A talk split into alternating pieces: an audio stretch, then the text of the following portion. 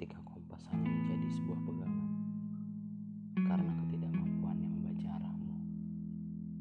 Kau adalah belantara, tanah yang tak pernah selesai ku jelajah.